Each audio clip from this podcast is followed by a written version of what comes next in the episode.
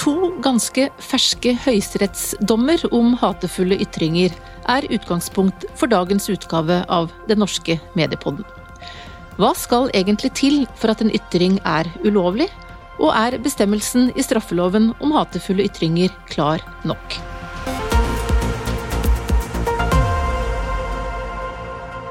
Velkommen til Mediepodden, Anine Kierulf, som er førsteamanuensis ved Institutt for offentlig rett ved Universitetet i Oslo, og også spesialrådgiver ved Norges institusjon for menneskerettigheter. Og til Kjersti Løken Stavrum, i denne sammenheng leder for Ytringsfrihetskommisjonen, som la fram sine forslag tidligere i høst. Dere to er eh, naturlig nok, og heldigvis får vi vel si, opptatt av ytringsfrihet. Og det er egentlig dagens hovedtema. Med utgangspunkt i hva som kan begrense denne retten i form av hatefulle ytringer.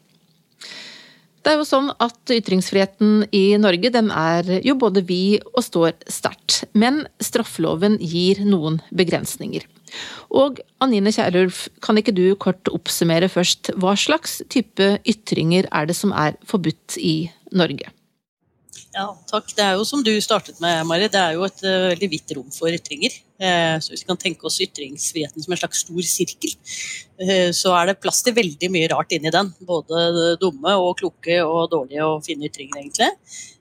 Og det er et stort poeng i seg selv. Men hvis du skal se på ytterkanten av den sirkelen, så utgjøres den av noen grenser. For det er ikke sånn at ytringsfriheten er absolutt, og det er den ikke i noen liberale demokratier, eh, tror jeg. Eh, eller det vet jeg faktisk. og, og, noen av de grensene som finnes for ytringer, de er så selvsagt at vi nesten ikke tenker over dem. F.eks. oppfordringer til vold. Det kan man gjøre med en ytring. Også det å true noen på en måte som er egnet til å skape alvorlig frykt. Eh, det er forbudt. Eh, og så er det en god del faktisk andre typer forbud eh, også. Vi har forbud mot å utlevere folks private opplysninger. Altså typisk seksuale preferanser eller medisinske spørsmål eller andre ting som hører privatlivet til. Med mindre man selv ønsker å dele det, så er det forbudt for andre å dele det, og det er for å verne om privatlivet. Um, en annen side som, som, handler om personvern, det er jo uh, begrensningene på ærekrenkelser. Altså det å si noe om andre mennesker som uh, rammer deres omdømme i offentligheten. Det, det, var tidligere straffbart, nå er det bare i gåsetegn gjenstand for erstatning. Det er i grunnen sånn som det har vært i praksis hele tiden, men det er også en, en ganske viktig begrensning på ytringsfriheten. Så har man mange taushetsplikter i ulike typer yrker. Eh, noen lovpålagte, noen avtalte, som jo er helt nødvendig for at man skal kunne gjøre en god del jobber og ivareta rikets sikkerhet og andre ting. Eh, så har man noen andre typer bestemmelser, bl.a. sjikane og personforfølgelse. Det å, å, følge etter noen og sende dem masse meldinger eller gå, følge etter dem på gaten og plage dem med ord. Eh, enten gjentatte ganger eller med grove ord. Kan være forbudt. Og så har vi denne bestemmelsen om hatefulle ytringer, eh, som da altså verner ja, For det er egentlig det vi i hovedsak skal snakke ja. om i dag, så, så, det er fint at vi kommer inn på det. For det er jo noen grupper da som har eh, et spesielt vern. Og den hatefulle ytringbestemmelsen den står i, i straffelovens kapittel 20, som eh, gjelder vern av den offentlige ro, orden og sikkerhet. Og det Den sier det er at de som forsettlig eller grovt uaktsomt fremsetter diskriminerende, hatefulle ytringer, de kan straffes, og så er det en forklaring av hva man mener med det. Og Da står det at det, det mener, da mener man det å true eller forhåne noen, som jo er litt rart, for trusler er allerede forbudt etter en annen bestemmelse, eller fremme hat, forfølgelse eller ringeakt overfor noen pga. deres eh, og så er det en del minoritetsgrunnlag som er listet opp, bl.a. hudfarge, religion, seksuell orientering, kjønnsidentitet, funksjonsevne.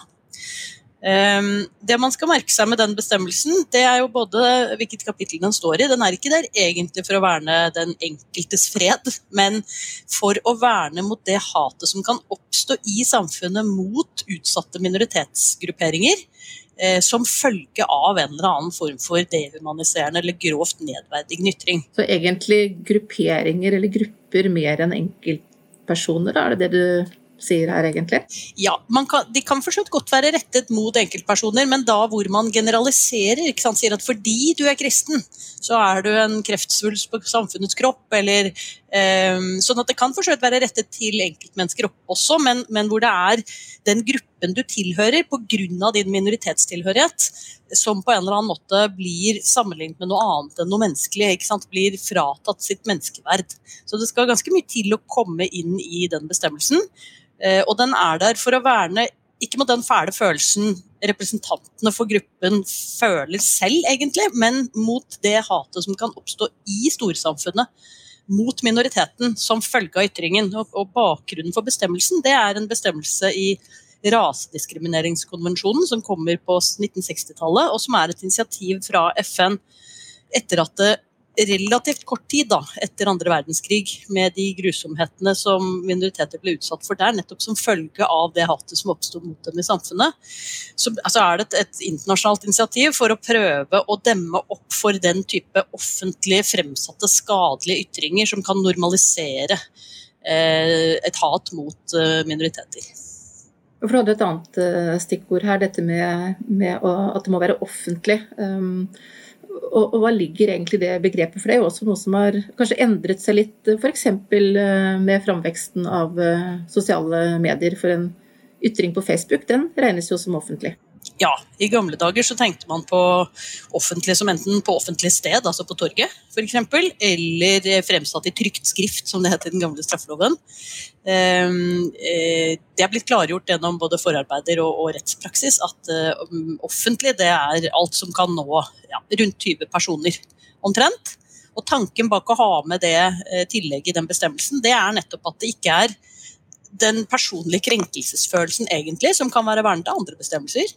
Eh, men det hatet som kan oppstå hos de andre som hører ytringen. Nå, er den 185 ble litt utvidet eh, for noen år siden, slik at det er et eh, det er et alternativ der for, for uh, ytringer som er fremsatt i andres nærvær. Da kan det være enda færre til stede. Men det er helt riktig som du sier, Mari, at uh, ytringer på Facebook de er nesten alltid offentlige, med mindre de er sendt liksom bare til én i den Messenger altså sånn, sånn. Så selv en lukket gruppe eksempel, vil være å betrakte som en offentlig arena? Selv om den er lukket, selv om den er passordbelagt, faktisk, eh, og sånn at du bare kan slippe inn med medlemskap. Hvis du kan nå mer enn 20 mennesker, så er den offentlig strafferettslig forstand. Kjersti Løken Stavrum, du har ledet Ytringsfrihetskommisjonen, som jo la fram sin rapport i august i år.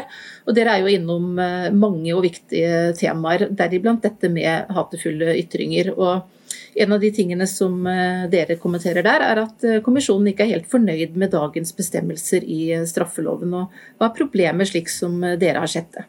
Altså, eh, det var, eh, det var, det punktet vi brukte mest tid på i hele arbeidet vårt, var paragraf 185. Fordi den, den nettopp støter veldig an mot eh, hva som skal straffes i grenseland mellom meninger, synspunkter og, og ytringsfrihet.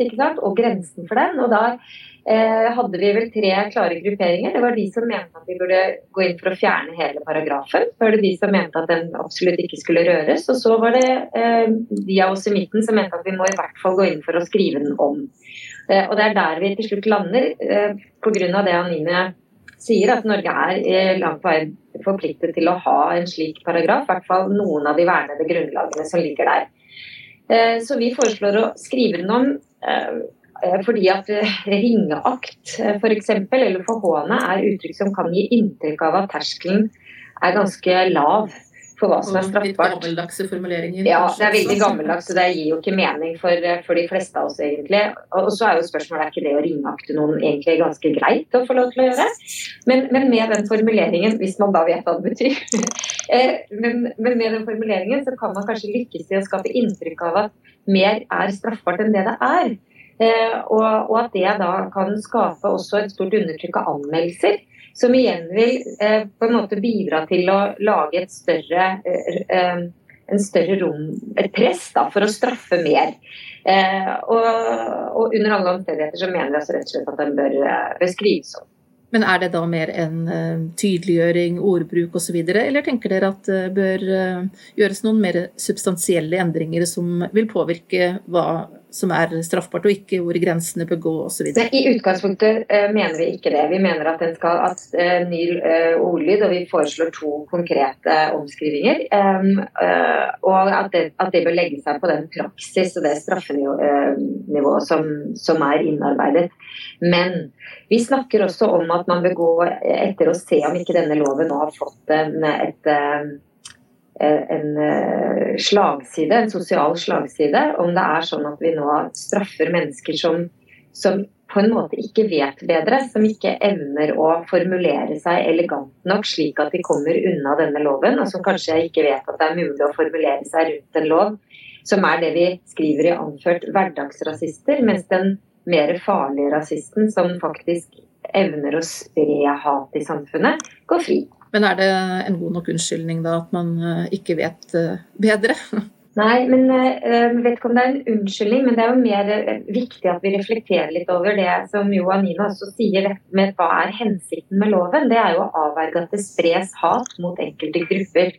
Og Hvis det egentlig er sånn at du, hvis du ikke er særlig formfullendt, hvis du er full og det er eh, bakt potetkø på Elverum, som ikke sjelden er en arena eh, for, eh, for den type ytringer.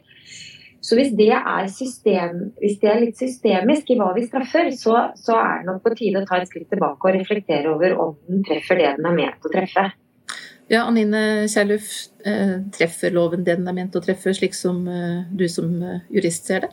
Um, ja, Det er ikke helt godt å si, men hvis vi skal forholde oss til eh, bakgrunnen for regelen, og den plasseringen som den har i straffeloven, altså at den står i det kapittelet som egentlig ikke gjelder eh, des, forbrytelser til, eller eh, forbud til vern om den personlige frihet og fred, men til vern om offentlig ro, orden og sikkerhet.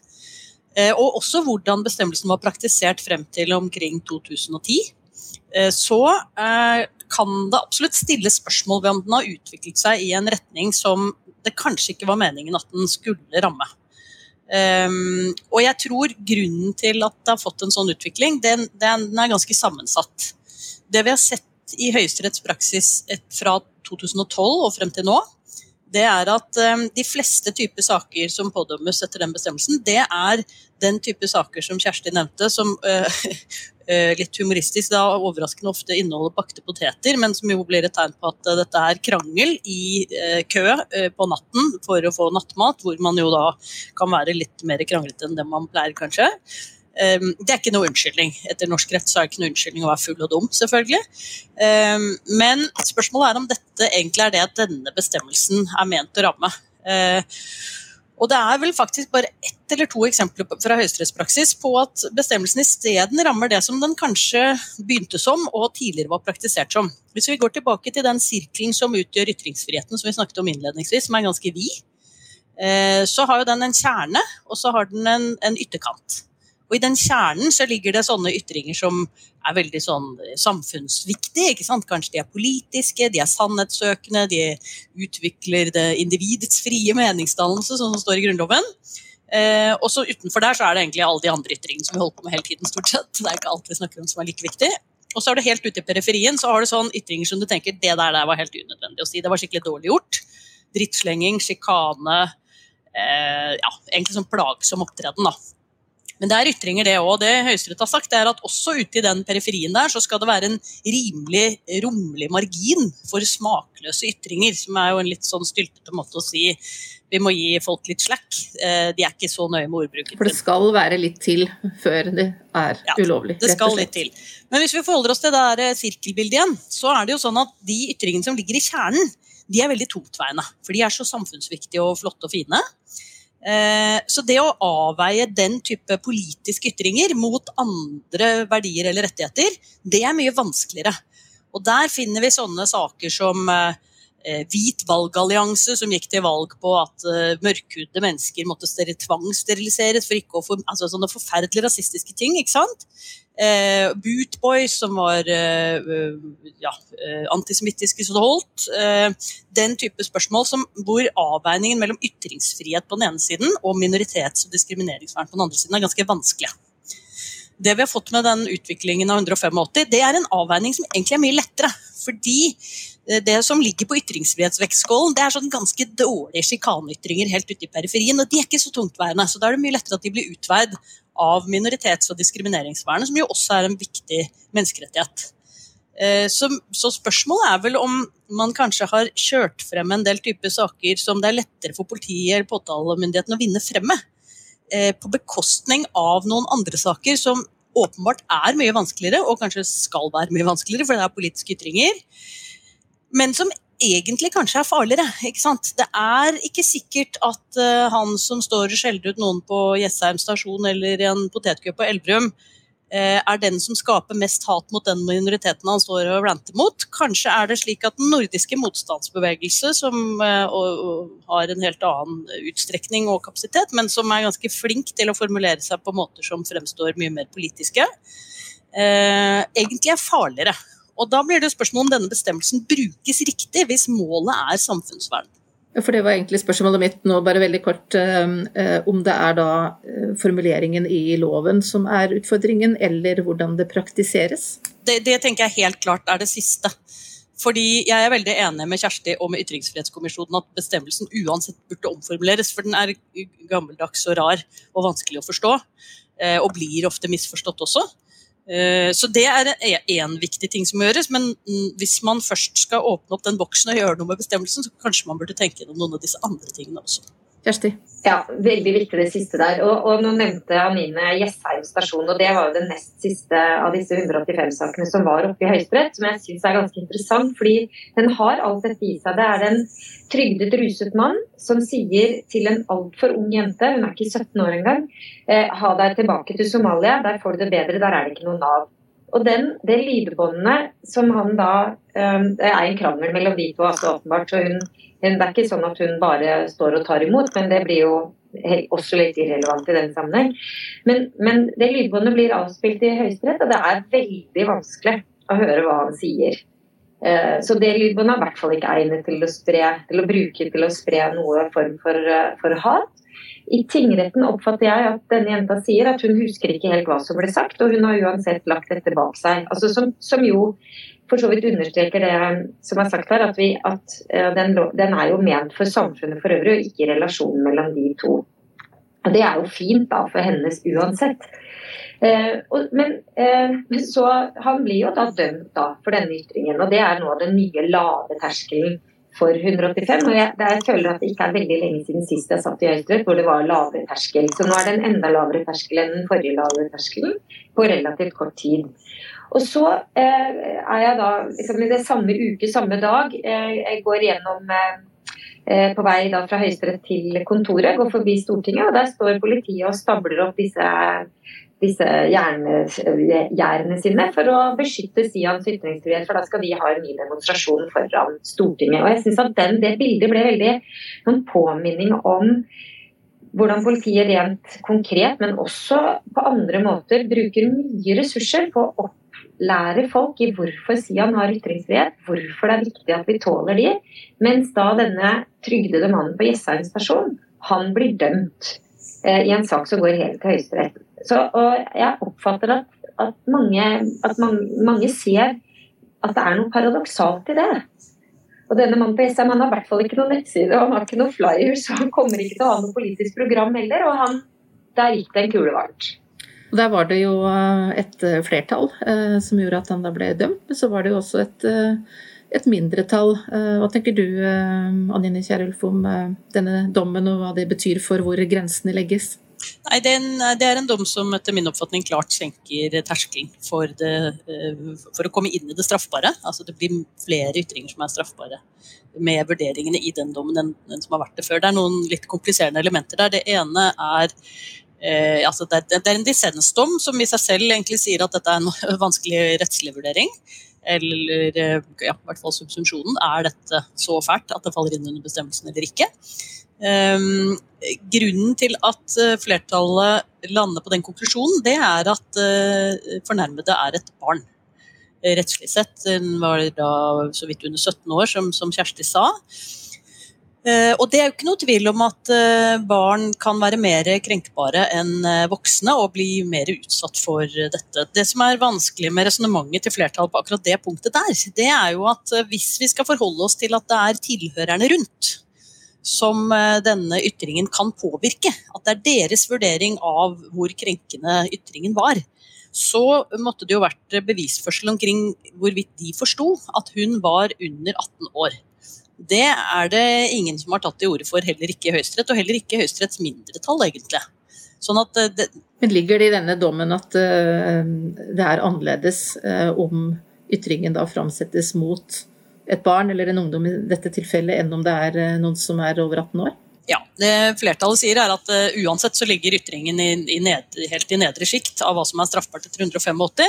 og det gjelder uh, Grunnen til at de kommer til resultatet, er at uh, fornærmet var et barn. Og selv overfor et barn så ligger dette i nedre sjikt. Så det er, det er, ganske tydelig på at vi er på en måte bare så vidt inne i bestemmelsen. Hele resonnementet rundt hvilken betydning det skal ha at den som blir omtalt, er et barn, det er ikke så lett å forstå. Men det er på en måte en litt mer teknisk, et, et litt annen side som ikke har vært oppe i så mange av disse sakene. Det som har vært oppe i mange av disse sakene, det er når man skal vurdere om man er inne i 185, så er det to prinsipper som har vært styrende for tolkningen av selve ytringen. Jurister driver jo ofte og tolker lover. Men i disse sakene her så må vi også tolke ytringen. Hva var det betydde når han uh, fulle, litt uh, middelaldrende mannen sa dette til dette barnet. Uh, og der er det slik at fordi man ikke ønsker å straffe mer enn det Stortinget har gitt hjemmel til å straffe, så er man forsiktig med å tolke tolke ytringene utvidende. Man ligger ikke mer inn i det som er sagt, enn det som er eksplisitt sagt, eller med rimelig stor grad av sikkerhet kan utledes av sammenhengen. Det er i grunn sånn Så liten tolkning som mulig, rett og slett? Altså helt konkret hva som blir sagt? Ja, det er i grunnen sånn vi forholder oss til språk helt generelt. ikke sant? Det er ikke sånn at folk må si ting helt direkte. Men hvis det er sånn, hvis jeg sier 'når sluttet de å slå deres kone', så har jeg egentlig implisitt sagt at de på et eller annet tidspunkt slo deres kone. ikke sant? Så Den type understatements, da kan man med rimelig stor grad av sikkerhet utlede av mitt spørsmål at det var det jeg mente, så selv om jeg ikke har sagt det helt eksplisitt. Men en sånn forsiktighetsprinsipp, eh, at man ikke innfortolker ting som ikke er sagt. Og Det er jo ikke gitt at dette drar tilbake til Somalia, der får du det bedre, for der får du ikke noe Nav. Eh, at det må tolkes på den måten som flertallet gjør her. Så det Mindretallet stiller spørsmål ved om den tolkningen egentlig er eh, ok, det er mulig den er rimelig, men er den den eneste mulige? Trenger det å være så ille?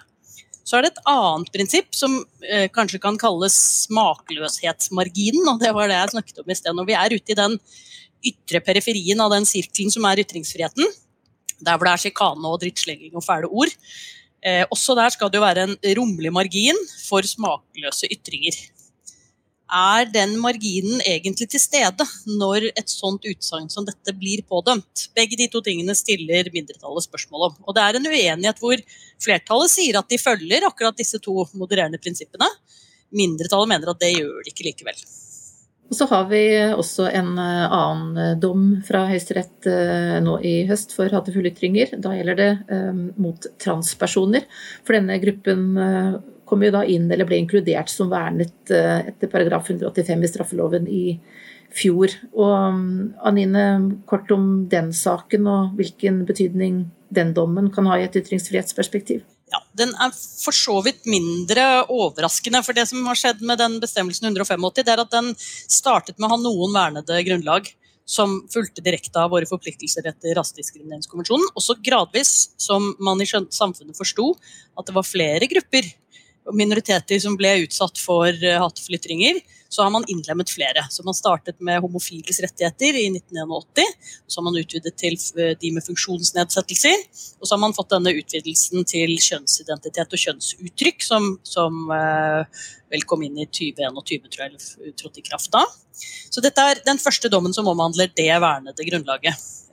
Og da sier Høyesterett at terskelen for å bli rammet av bestemmelsen, den er det samme Eh, for dette grunnlaget som for de andre grunnlagene. Så Det er jo liksom en viktig rettssetning som ikke er så veldig juridisk overraskende. Um, det som um, kanskje kan diskuteres i forlengelsen av den dommen, det er jo at dette er to tidligere kamerater, hvor en av dem nå eh, identifiserer seg som kvinne, som sitter og krangler med hverandre på Facebook. Og Det er en lang tråd med mange ukvemsord i flere retninger, og flere andre som deltar også. Um, og det er jo ikke sånn at man ikke kan rammes av straffebestemmelser fordi også den andre gjør noe dumt. ikke sant? Det har vi dommer på fra før. Hvis eh, noen av disse bakt potet-sakene også, så var det jo en som kastet en bakt potet før det ble sagt en hatefull ytring den andre veien. sånn at eh, det, det, er ikke sånn at man liksom gir opp retten sin til vern bare fordi om man oppfører seg dårlig selv. Um, men, men, det er jo et spørsmål i den saken der også om dette er den type ytringer som egentlig 185 er ment å verne. fordi det som skjer på Facebook, det som skjer i sosiale medier, det er jo i noen grad at vi flytter de muntlige samtalene vi ellers har hadde med hverandre på en pub eller på vei hjem fra en pub, altså i den type setting, de er nå på Facebook og blir regnet som offentlige fordi de kan leses av mange flere, og til dels leses av mange flere, og den på den måten for så vidt kan ha en effekt. Um, men Kjersti, du var jo og hørte på den saken i uh, Høyesterett. Uh, jeg vet ikke, Hvilke tanker gjorde du der? Nei, altså jeg syns det var interessant. Jeg syns det er interessant å sitte i Høyesterett når disse sakene er oppe. For det, jo, det, blir jo en egen scene og en veldig synes jeg, ubehagelig påminnelse om når staten kommer inn og straffer ytringer. Det er ikke det er jo selvfølgelig noen ganger fint, det, men ofte er det problematisk. Og særlig når det er disse grenselandssakene som jo kommer i Høyesterett. Eh, og, og, her var Jon Wessel Aas, lederen av Advokatforeningen, som var forsvarer for, for denne mannen som, eh, som var eh, tiltalt for disse ytringene. Og han brukte egentlig all tiden sin, og vel det, på å lese opp hele dialogen. Altså Han tok liksom ytring for ytring, ytring mot ytring, eh, i et forsøk på å gjøre det pedagogisk klart at her og viser da at her fungerer egentlig ytringsfriheten slik den er ment å gjøre. Det kommer en ytring, det kommer andre innpå som sier sånn kan du ikke si, det er det drøyeste jeg har lest noen gang.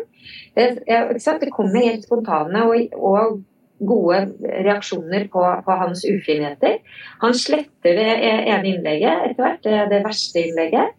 Eh, og, og, som sådan så, så, oppfatter jeg at det var Wessel Aas eh, sin, ja, sin, tilnærming til, eh, til å løse forsvareroppgaven. Ja. ja. etter sin hensikt.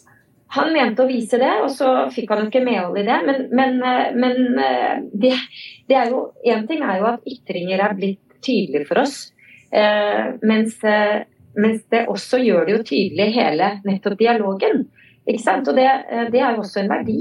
At vi ser at det er ikke ytringen blir jo ikke stående og dirre i lufta i det, i det du da eventuelt har tatt den Eh, tatt et lydbåndopptak eller noen hørte og mener og husker at det var sånn det ble sagt. Eh, her kan vi jo lese og se hva var det som faktisk skjedde, og hvordan ble den slått tilbake. da. Men det, men det ble jo da, og Grunnen til at denne var i Høyesterett, var også at det er den første saken som blir testet i Høyesterett eh, om kjønnsuttrykk. Men litt mer om dette med sosiale medier. Hvordan tror dere at det har påvirket både ja, type ytringer da, som, som kommer, eh, og, og, også folks liksom, bevissthet rundt hva det betyr. For det er jo klart at det er en annen situasjon enn når man bare snakket sammen i, over kantinebordet, uh, enn når mange da kan følge med på, på, denne debatten. Og, um, ja, hvordan har det påvirket utviklingen, rett og slett?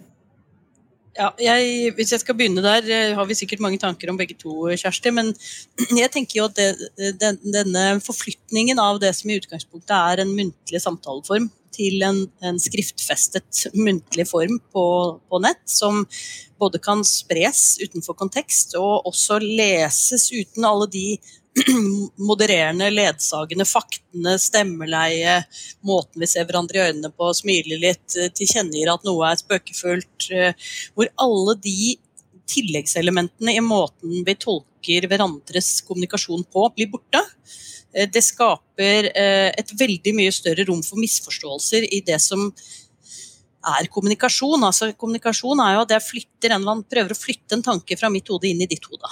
Uh, og Det er jo egentlig fordel hvis vi kunne gjort det med tankeoverføring, men det kan vi ikke. Så vi må oversette til språk, og så må vi bruke det språket ut, og så må det tas imot, og så kommer det an på hva du spiste til frokost, eller hva du nettopp hadde hørt eller lest. Det er masse misforståelsesmuligheter allerede. De blir utrolig mange flere i, uh, i, sosiale medier. så har du tilleggsproblemer med algoritmer, som jo premierer følelsesgenererende ytringer, og primært de som genererer dårlige følelser, for det er det som skaper mest engasjement og gjør at folk blir på plattformene. Så det er, det er veldig mange måter, måter, de sosiale mediene virker på, som egentlig si, korrumperer kommunikasjonen vår. Eh, på en måte som ikke er reflektert i lovverket, tenker jeg. Og jeg syns det er interessant det Kjersti peker på med den dommen om denne transpersonen eh, som du hørte på i Høyesterett. fordi eh, en ting er jo at du da får denne modererende effekten av at ytringer virker mot ytringer. Noen går i rette med noen, kjefter opp noen.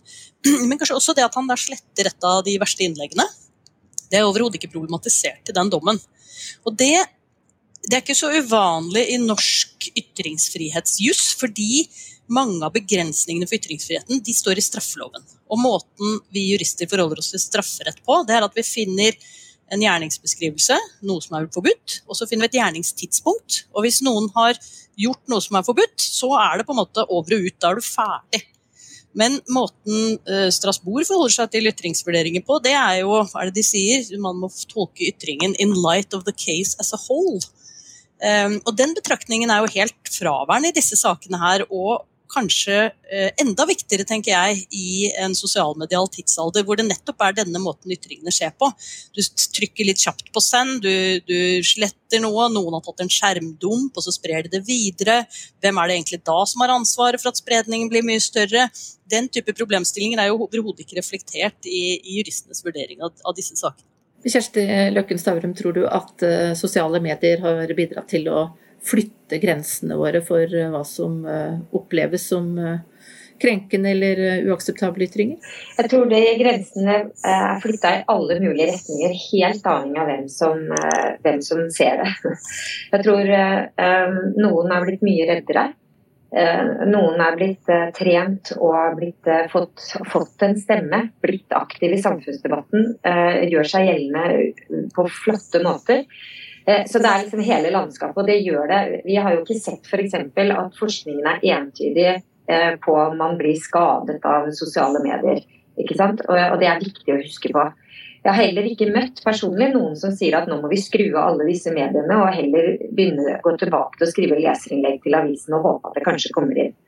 Så det er jo ikke noe tvil om at vi kommer til å fortsette å leve med en eller annen form for sosiale medier, men jeg, jeg ønsker meg virkelig til jul et, eh, et, sosialt medium som tar i seg som hele, ja, hele universet av måten vi ytrer oss på. Da. Eh, og der er jo igjen også kanskje kommisjonens rapport illustrerende. Vi var jo ikke enige Eh, sannsynligvis ikke om noen ting da vi satte oss ned i rommet.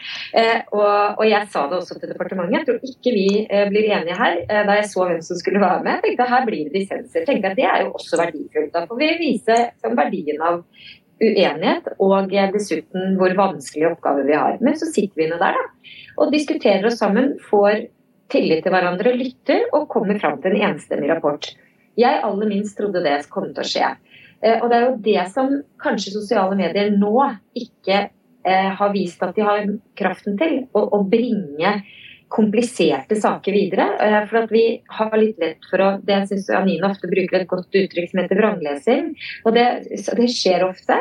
Enten bevisst eller også litt sånn at du går i forsvar og leser det ubevisst feil. Og så har vi det gående. Og, det, og da blir det ikke så god stemning. Vi skal begynne å gå inn litt for eh, landing, men sånn på tampen. Hva tenker dere er det viktigste som kan gjøres for å sikre at vi fortsatt har dette eh, gode, brede ytringsrommet, og at vi ikke får en, en innskrenkning. Um, hvis vi også tenker litt sånn utover loven og lovteksten, er det liksom andre typer tiltak som er viktige for at vi også i internettets og sosiale mediers tidsalder kan ha et et godt ytringsrom og ytringsvern?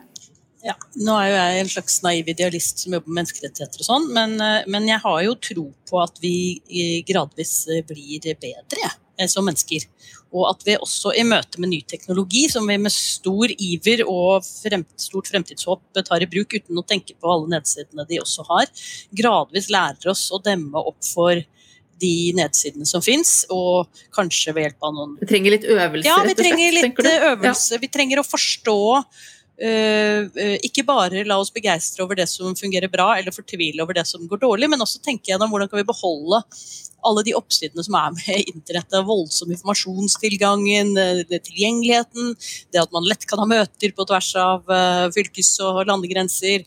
Det er jo helt, en helt ufattelig utvidelse egentlig av ytringsfrihetens infrastruktur.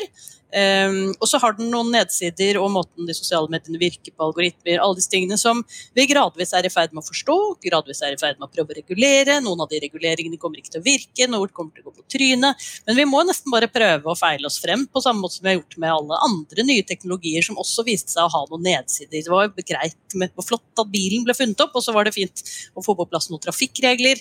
Det var flott at Gutenberg fant opp eh, trykkpressen, og så gikk det 300 år med sensur før vi tenkte at det egentlig var greit å spre det der frie ordet i trygt form.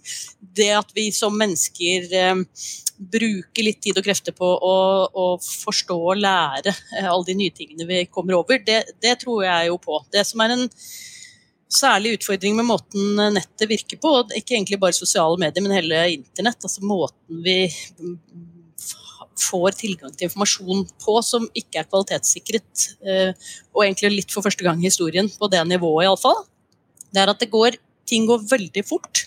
Og måten vi blir manipulert på eh, uten å forstå det, den går også veldig fort.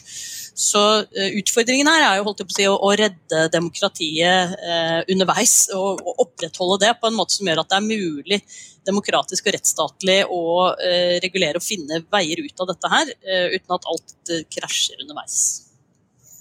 Kjersti, tror du også på utviklingen her, eller er det andre ting som må til? Nei, Jeg er jo eh, grunnleggende optimistisk eh, på framtidens vegne. Og, og, vi har aldri levd i en bedre tid for ytringsfriheten, og da inkludert retten og muligheten til å få informasjon. Men, eh, som vi har snakka litt om nå. Men, men, i rapporten vår så har vi nå lagt fram en god del forslag til hva vi kan gjøre. Og i denne sammenheng som vi har snakka nå, så tenker jeg at at det at vi peker på Konfliktrådet f.eks.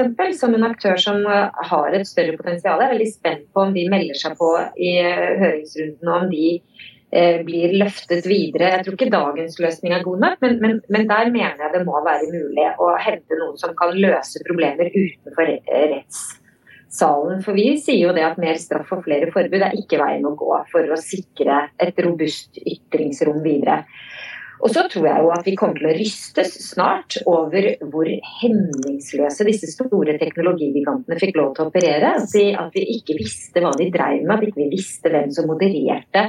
Om de i det hele tatt snakket norsk, og hvor mange var de, og hvorfor tok de vekk ting, og i det hele tatt. Alt dette som kommer til å måtte bli bedre. Det kommer vi til å være overrasket over at vi gjorde, men ung er verden til stadighet. Eh, og, eh, og, det er derfor vi må bruke de gode kreftene våre til å forbedre nedsidene. Og så eh, er det hovedsakelig bra, da, dette internettet og disse sosiale mediene. Jeg vet at vi tre ser jo har stor glede av dette i det daglige, hele tiden. Vi snakker jo med hverandre på dette internettet nå, faktisk. Det gjør vi faktisk. Ja. Anine, du får uh, siste ordet nå. Jeg skulle bare si, uh, holdt å si det nytter uh, å drive med demokratisk diskusjon. Nå har Kjersti og Ytringsfrihetsutvalget lagt, ut, lagt frem et forslag til endring av straffelovens paragraf 185. Jeg ledet et utvalg om akademisk ytringsfrihet i vinter, og vi foreslo, eller vi la også noen premisser eller noen oppspill til det. I forlengelsen av disse to seneste dommene i Høyesterett, kanskje særlig den som senket terskelen og var dissens i, så har jo uh, lederen av justiskomiteen på Stortinget nå bedt uh, justisministeren om å endre paragraf 185. Og så har justisministeren sagt at ja, nå foreligger dette forslaget fra Ytringsfrihetskommisjonen. Det er sendt på høring. Vi inviterer alle til å komme med innspill i den høringen for å si hva de mener om denne bestemmelsen. Eh, og så er det ikke gitt at man får gjennomslag eh, med alle høringsinnspill heller, men, men, sjansen for å få gjennomslag i høringsrunder er større enn hvis man bare ytrer seg sinna om eh, det man er uenig på Facebook eller i andre sosiale medier. Sånn at demokratiets kvern og rettsstatens kvern maler langsomt, men den, men den maler iallfall. Og det, diskusjon og fri debatt nytter, også for vurderingen av grensene for fri debatt. Det får bli siste ord i denne utgaven av Den norske mediepodden. Tusen takk til Anine Kierulf og Kjersti Løken Stavrum. Jeg heter Mari Welsand og er direktør i Medietilsynet.